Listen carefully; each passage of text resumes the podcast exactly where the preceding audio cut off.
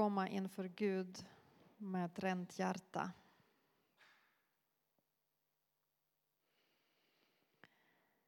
Gud, vår Fader, vi tackar dig för Jesus Kristus som återspeglar din härlighet. Öppna våra ögon så att vi med Symeon och Hanna ser ljuset och prisar ditt namn. Genom honom, din son, Jesus Kristus, vår Herre. Hör Herrens ord. Eh, vi lyssnar till denna söndagens gammaltestamentliga text från Malaki 3, vers 1-4. Se, jag sänder mitt budbärare. Han skall bana väg för mig. Plötsligt skall han komma till sitt tempel, den härskare som ni ber om, den förbundets budbärare som ni begär. Se, han kommer, säger Herren Sebaot. Men vem kan uthärda dagen då han kommer? Vem kan bestå när han visar sig? Han är som smältarens eld, som tvättarnas lut. Han sätter sig ner likt den som smälter och renar silver. Han skall rena leviterna och luttra dem som guld och silver så att de kan bära fram offergåvor åt Herren på det rätta sättet. Då skall Judas och Jerusalems offergåvor behaga Herren som i forna dagar, i gången tid. Så lyder Herrens ord.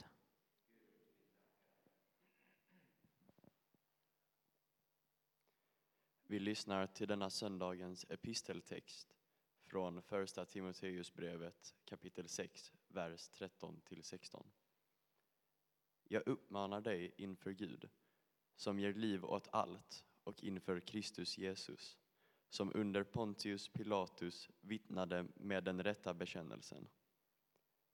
Håll ditt uppdrag obefläckat och klanderfritt till vår Herre Jesu Kristi ankomst, som den salige och enda härskaren ska låta oss uppleva när tiden är inne. Han som är alla konungars konung och alla herrars herre, som ensam är odödlig, som bor i ett ljus som ingen annan kan nalkas. Han som ingen människa har sett eller kan se. Hans är äran och den eviga makten. Amen. Så lyder Herrens ord. Gud, vi tackar dig.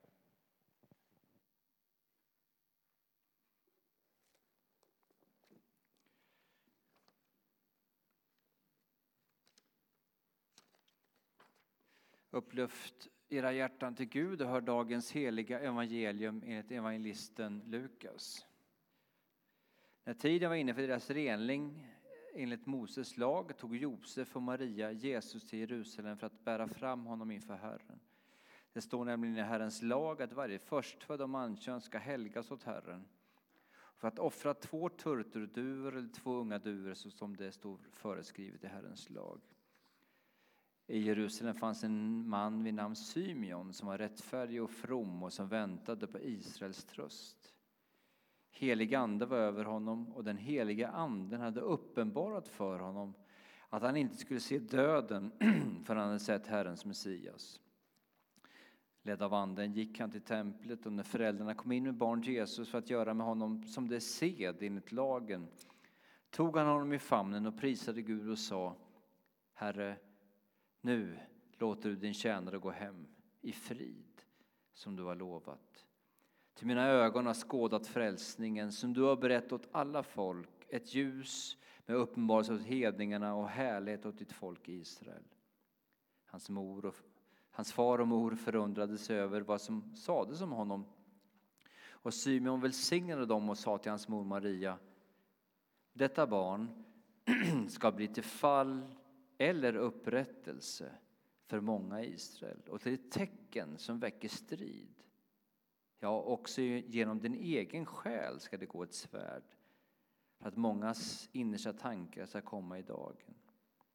Där fanns också en kvinna med profetisk gåva, Hanna, Fanuels dotter av Aschers stam.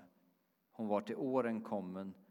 Som ung hade hon varit gift i sju år sedan hon levt som änka och var nu 84 år gammal. Hon gick aldrig från templet utan tjänade Gud dag och natt med fasta och bön. Och just i den stunden kom hon fram. Hon tackade och prisade Gud och talade om barnet för alla som väntade på Jerusalems befrielse. När de hade fullgjort allt som föreskrivits i Herrens lag återvände de till sin hemstad Nasaret i Galileen.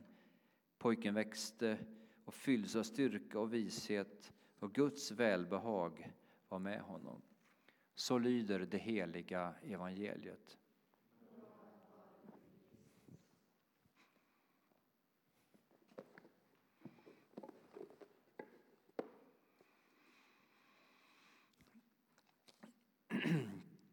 En nunna genomgick en djup troskris. Hennes samtal med sin andliga vägledare tycktes inte leda till någon klarhet och hon kände sig alltmer pressad mellan sin yttre livsföring av radikal andlighet och sin inre torka och tomhet. De välbekanta orden om Gud sa henne ingenting längre. Bönen var en plågsam blandning av tvångsmässig upprepning och ekande övergivenhet. Så en dag gick hon och satte sig ensam i ett kapell. När hon suttit en stund märkte hon hur hon sakta fylldes av ett djupt inre lugn. Hon kände en sån stilla glädje att hon till slut reste sig och började dansa där i sin ensamhet. När hon senare berättade om denna erfarenhet för sin andliga vägledare frågade han vad var det som utlöste denna glädje. Hon svarade jag insåg plötsligt att Gud inte finns. Hennes vägledare hade varit med, om, hade varit med förr och blev inte nämnvärt förskräckt över svaret. De fortsatte sina samtal under några månader. Den process som sedan följde på denna djupa förlösning i kvinnans liv hjälpte henne att se hur bunden och tyngd hon hade varit av sin gudsbild. Hon insåg efter en tids djupare bearbetning att det var inte Gud som hade dränerat hennes livskänsla utan hennes omänskliga föreställningar om honom. Det var bilden som gick sönder, inte Gud. Det var bilden som gick sönder, inte Gud. I den reformerta traditionen har man faktiskt en annan ordning när det kommer till de tio budorden. Kan ni de tio budorden? Ganska bra. Där har man som nummer två nämligen. Vi har ju delat upp begärelsebuden i två olika bud. Men de har som nummer två bildförbudet. Du skall inte göra dig någon bild av Gud. Och kanske har vi eller kanske borde vi ta tillbaka det i vår tradition. För när man läser Gamla testamentet inser man att det här är någonting som Paul, inte Paulus, som Mose betonar otroligt mycket. Du skall inte göra dig någon bild av Gud. I femte Mosebok säger han så här. Akta er noga ni såg inte någon gestalt när Herren er Gud talade till er ur elden på Horeb. Gör därför inte något så förfärligt som att tillverka en bildstod, en gudabild av vilken gestalt det vara må. En bild av en man eller en kvinna, en bild av en markens djur eller en fågel som flyger i skyn, en bild av ett djur som krälar på jorden eller av en fisk i vattnet under jordens yta när du lyfter blicken mot himlen och ser solen, månen och stjärnorna, hela den himmelska hären, får du inte låta dig förledas att tillbe dem och tjäna dem. De har Herren sin Gud tilldelat alla folk under himlen, men er har Herren tagit sig an och fört ut ur smältugnen, ut ur Egypten, men det skulle bli hans eget folk som ni också har blivit. Gör er ingen bild av Gud. Paulus sa i dagens episteltext Gud som ingen människa har sett eller ser.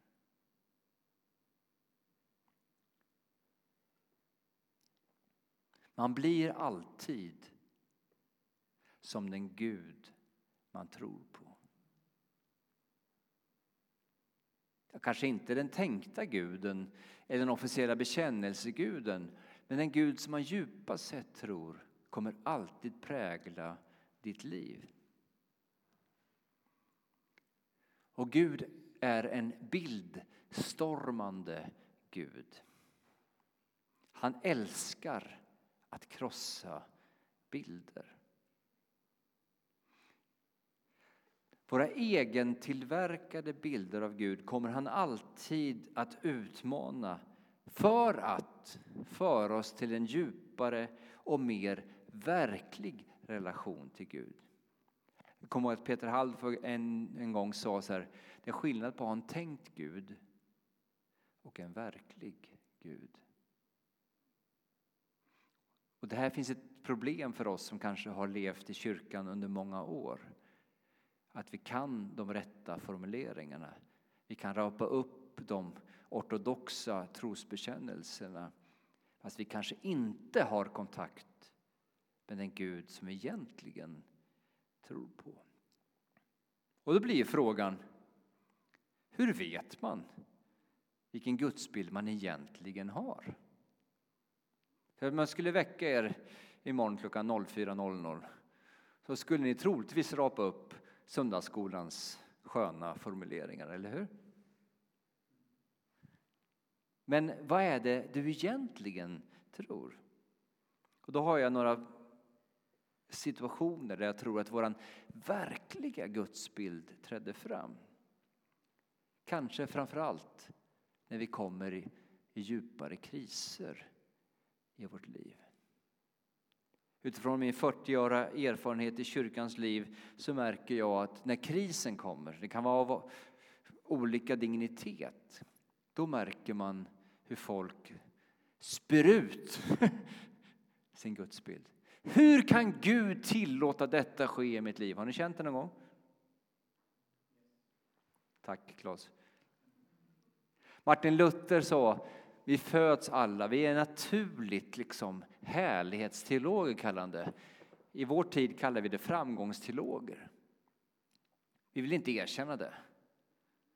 Men vi är härlighetsteologer. Så länge allting går på en räkmacka, det behöver inte vara en räkmacka, men bara att livet funkar. Ekonomin är helt okej, okay. barnen är någorlunda, jobbet är helt tillfredsställande på några punkter. Då är det okej, okay. men när det börjar braka, när det börjar liksom skava, då kommer det fram. Men hur kan Gud tillåta detta i mitt liv? Eksem, jobbig kollega, taskig ekonomi. Och då är vi som John Cleese och hytter näven mot Gud. Då märker vi, vad är det för Gud vi egentligen tror på? Vad hade vi räknat med att han skulle göra i vårt liv?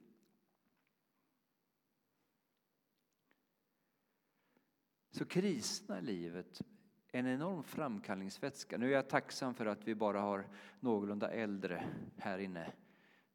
Jag ber om ursäkt om jag provocerar någon när jag sa någorlunda äldre. Men ni vet framkallningsvätska när vi hade de här, man kunde köpa 24 rull, bilders rullar, eller 36 var det va? 24. Sen la man dem i framkallningsvätska och då visade sig de verkliga bilderna. Så det första som framkallar gudsbild är kriserna. Det andra som framkallar gudsbild är oftast hur vi ser på oss själva. Hur vi bedömer oss själva, vad vi säger om oss själva. Om vi går hela tiden med ett dåligt självförtroende, tycker att vi är usla, att vi inte duger någonting till, att vi inte räcker till, då är det inte den levande guden vi tror på. Då är det en annan Gud. För Gud säger i Sefania, när han ser på oss, han gläder sig. Han jublar, han uppger ett härskri. Ser du så på dig själv? När du ställer dig framför spegeln på morgonen så tänker du så här, ah, Gud måste vara otroligt glad att se mig. Men enligt texterna så är det just det som Gud gör. Våra känslor, för det tredje, också väldigt vägledande. Vi tänker att vi tänker om Gud intellektuellt. Men det är oftast kroppen och känslorna som ger de tydligaste indika eh, indikationerna på vad vi egentligen tänker och känner om Gud. Hans Johansson, en eh, andlig vägledare till mig för många år sedan, som dog tyvärr allt för tidigt. Han sa till mig så här för länge sedan, Magnus, du måste reagera på dina egna reaktioner. Idag är det ju så här, du måste vara sann mot dig själv, där du känner absolut sanning. Men ibland är det bra att ta två steg tillbaka och fundera på varför känner jag det jag känner? Varför reagerar jag på det här sättet? Och inte minst då när vi kanske läser texter i skriften och vi känner att vi blir provocerade, vi blir arga, vi känner oss lite obekväma så måste vi inte bara säga så här, ja, hur kan du göra detta? Utan också ta två steg tillbaka och tänka, vad är det som väcks inom mig som gör att jag blir så arg, provocerad, obekväm? Och i den processen möta den Gud som finns på riktigt. Och ödmjuka sig inför den uppenbarelsen. För det fjärde, vad som avslöjar vår gudsbild, det är vårt böneliv. Vi ska inte recensera varandras böner. Men ibland kan det vara bra också att fundera på hur låter jag när jag ber? Vad säger jag? Och vad håller jag på att prata om? För det kan till slut avslöja också, så här är min bild av Gud. Och till sist, vilka auktoritetspersoner har format dig? Föräldrar, lärare, din bästa kompis, vad kan det vara? För det som har format oss i tidiga år är någonting som vi oftast för över sen till vår bild av Gud. Vi kanske hade en pappa som var frånvarande, var lynnig, kanske hade en mamma som var överbeskyddande och så vidare. Och dem, de bilderna, de erfarenheterna för vi sen över till Gud och det kan bli väldigt komplicerat sen när vi möter de bibliska texterna. Det är i bönens uppriktiga samtal med Gud inför hans levande ord och i stilla meditation som vi ofta får kontakt med det vi verkligen tänker, känner och tror. För som sagt var, den officiella bekännelsen är oftast väldigt bra perfekt, korrekt, renlärig. Men när vi blir stilla, när vi vågar möta texterna på det sätt som de verkligen framträder och när vi blir närvarande oss själva då kanske vi för första gången inser vad är det jag egentligen bär på för erfarenheter, för känslor och för tankar. Jag kommer ihåg för, nu är det ganska många år sedan, jag vet inte om det var första, andra eller tredje retriten jag var på, när vi fick en uppgift att meditera med en bibeltext. Hur var min teologi då innan? Korrekt? Lysande? Briljant, eller hur? Men när jag satt och mediterade över Emausvandrarna och när Jesus bestämmer sig för att lämna lärjungarna för att gå vidare så väcks någonting inom mig som jag aldrig hade fått reda på på något annat sätt än genom den stilla meditationen inför texten. Och jag blir så fruktansvärt upprörd, besviken och börjar gråta hysteriskt för jag känner Gud är den som alltid lämnar mig. hade någon frågat är Gud trofast? Är han barmhärtig? Amen. Men i mötet med texten, närvarande, stilla, i det meditativa så märker jag vad jag egentligen känner för Gud är detta. Och är då, först då jag kan börja adressera Gud och säga så här. Och det, det dök upp en gammal sång. Hur går den nu då, Klasse? Herre kär, gå ej förbi mig. Du, du. Och, gå ej mig förbi. Och jag bara känner så här, det är precis det du gör hela tiden. Går mig förbi. När Gud kommer och välsignar människor så tittar Magnus Tunehag och så går han förbi. Det var min gudsbild. Det är en Gud som går förbi. Och det är först i det mötet som jag insåg att detta är en bild av Gud, inte hela bilden av Gud, självklart inte, men en del som gör att det skaver. Som jag måste ha ett öppenhjärtligt samtal med Gud om och ställa honom mot väggen. Och säga, jag upplever att du går mig förbi. Och det är först i det genuina, sanna mötet som gudsbilden förändras. Till att bli en bild där Gud är större.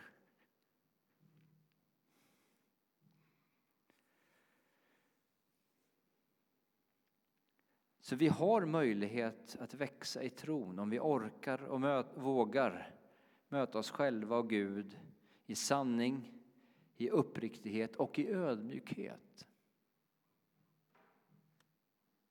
Och här finns den andliga vägledningen som en viktig resurs.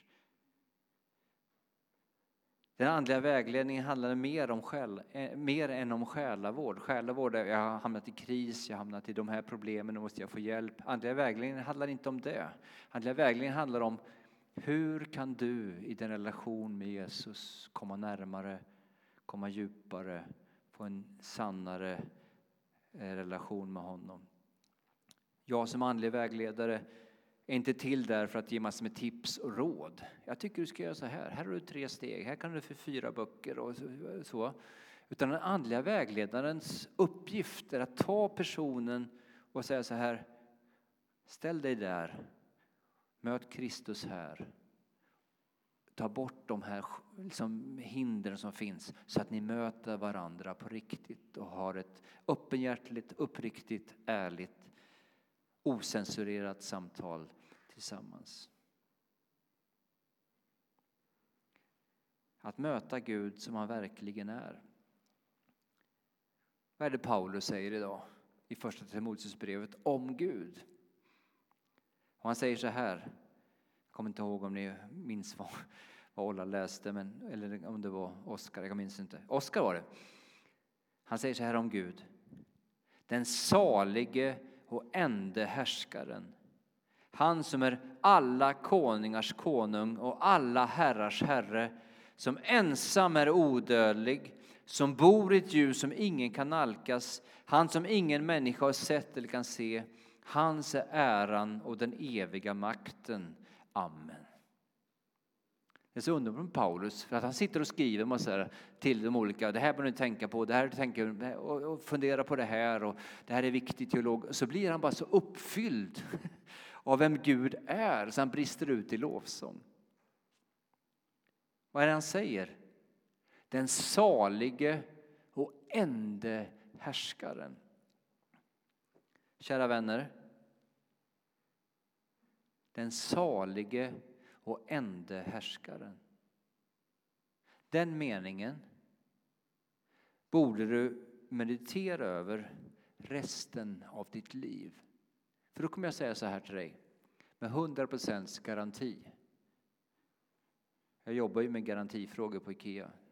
25 år på kök och 25 år på sängar. 10 år på bekant underrede, sitt och stå-grejer. Det här är 100 procents garanti resten av ditt liv. Om du mediterar över den här meningen, den salige och enda härskaren, så kommer du vara lycklig resten av ditt liv. Okej? Okay? De två punkterna. Gud beskrivs som den salige. Och vad innebär det? Alltså lycklig, glad, välsignad. Gud är glad över att vara Gud. Och Saltaren 16 säger så här. Du, väs, du visar mig vägen till liv. Hos dig finns glädjens fullhet. Ständig ljuvlighet i din högra hand. Alla människor, 100 procent, lever för att bli lyckliga. Ni lever för att bli lyckliga. Om ni säger att ni inte gör det ljuger ni. Varenda människas högsta mål är att bli lycklig. Och det är någonting som Gud har inspirerat i människans liv. Eftersom Gud är den salige guden. Problemet för oss är ju att synden viskar in i vårt hjärta att lyckan finns i det som är tillfälligt. I karriär, i sex, i en ny relation eller i vad det nu kan vara.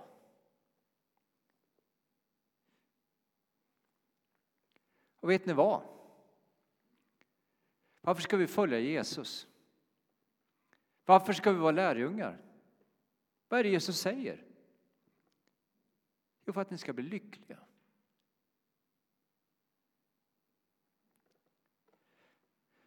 Då tänker du så här, han säger ju ni måste varje dag ta på korset. Det känns inte så positivt. Va?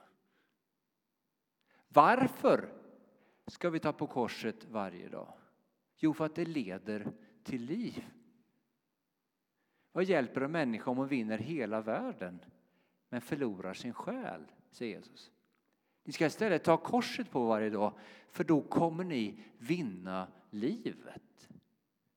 Alltså satsa på din egen lycka. Och den lyckan finns när vi förlorar vårt liv.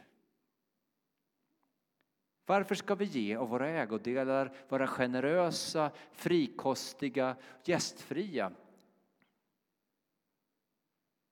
För att det är rätt. Nej, säger inte Jesus. Ja, men för att människor mår dåligt. Nej, säger inte Jesus. Vad säger han? Apostlagärningarna 20 och 35. Det är saligare att ge än att få. Varför ska vi göra det? Ja, för att det är mycket saligare att ge än att få. Det är mycket saligare att leva för andra människor än att leva för sig själv. Jag tycker jag har lite, jag ska inte kritisera det här nu, utan det är lugnt. Varför ska vi gå in i det fördolda och be? Och inte liksom visa upp oss och lägga ut det på Instagram och sådär. Jo, Jesus säger så här, de som ber i det offentliga och vill liksom outa det på de sociala medier, det är enda belöningen de får. Men de som stänger in sig i sin kammare och ber, fastar och ger, Herren är i det fördolda och ska belöna det.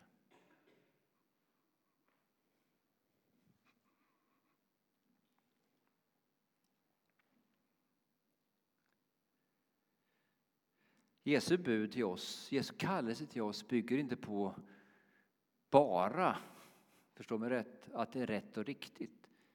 Det är rätt och riktigt. Utan Jesus säger, jag har kommit, varför har jag kommit?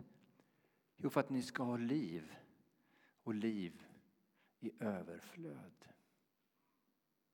Därför går vi den väg som i världens ögon ser ut att vara en förlorares väg. Men vi vet att det är den väg som leder till salighet. Hur ser ni på Jesus?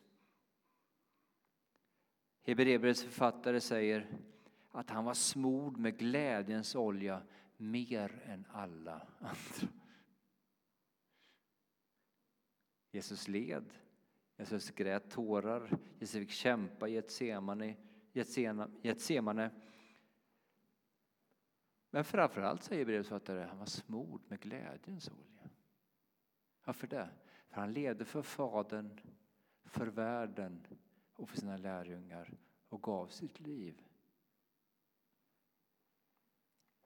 Och Gud, som är den salige guden, tugga på det, inbjuder oss att komma nu och dela hans bord i fest och glädje.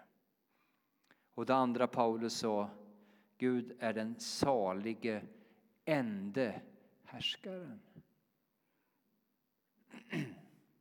Han säger också i den här texten att han är alla konungars konung och alla herrarnas herre. Och det låter ju lite så här äh, arkaiskt, lite gammaldags för oss. Men det är en enorm politisk eh, vad heter det? politisk eh, statement. Vad säger man på svenska? Ja? Manifest. Eftersom kejsar Nero säger jag är alla konungars konung och alla herrars herre. Då säger de kristna nej, det är Jesus som är alla konungars konung och alla herrars herre. Och det är det som ger Timoteus, som Paulus skriver till i dagens episteltext, mod och kraft, den här kyrkan han lever i, som är så små, som är så obetydliga, som inte har någon framgång överhuvudtaget, till och med kämpar internt i kyrkan. När Paulus ger visionen av vem Gud är så inser han det är Gud som har det sista ordet. Det är inte kejsar Nero, det är inte de här villolärarna, det är inte de här olika grupperna som kämpar om makten. Det är han som är alla konungars konung och alla herrars herre. Och när vi får den visionen att Gud är både den salige och den enda härskaren så ger oss kraft och mod att verka i det lilla. Att vara trofasta fastän det verkar som det är andra krafter och makter som tar överhanden. Det var precis så för Timoteus och den lilla församlingen.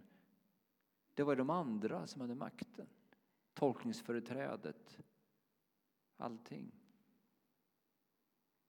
Men när vi ser detta, vem Gud är på riktigt, när vår gudsbild förändras så kan vi lugnt luta oss tillbaka i förvissningen om att Gud kommer hålla sitt ord. Han överger inte sitt folk. Han för historien till det mål som han sedan begynnelsen har bestämt. Och Gud inbjuder oss att formas efter hans sons bild. Och det kan innebära för oss att vi också måste genomgå den processen där våra egna egentillverkade gudsbilder kommer behöva krossas och att vi får en större vision av Gud. Låt mig avsluta med min predikan med en bön som Magnus Malm har i sin bok Bildfaktorn och den kommer upp här på skärmen eller på väggen. Och Gud, inte som tidsandan vill göra dig men som din kyrka i alla tider har bekänt dig. Inte som jag i min självupptagenhet önskar att du är men som du i ditt ord har uppenbarat dig. Inte som jag i mina mörkaste stunder fruktar att du är men som du i din son har visat dig vara. Inte som min föreställning om dig men som du är i dig själv. Träd in i mina begränsningar och upplys hela min varelse med din gudomliga närvaro. Amen. Här har Fadern och Sonen och den helige Ande, nu och alltid och i evigheters evighet. Amen. Halleluja.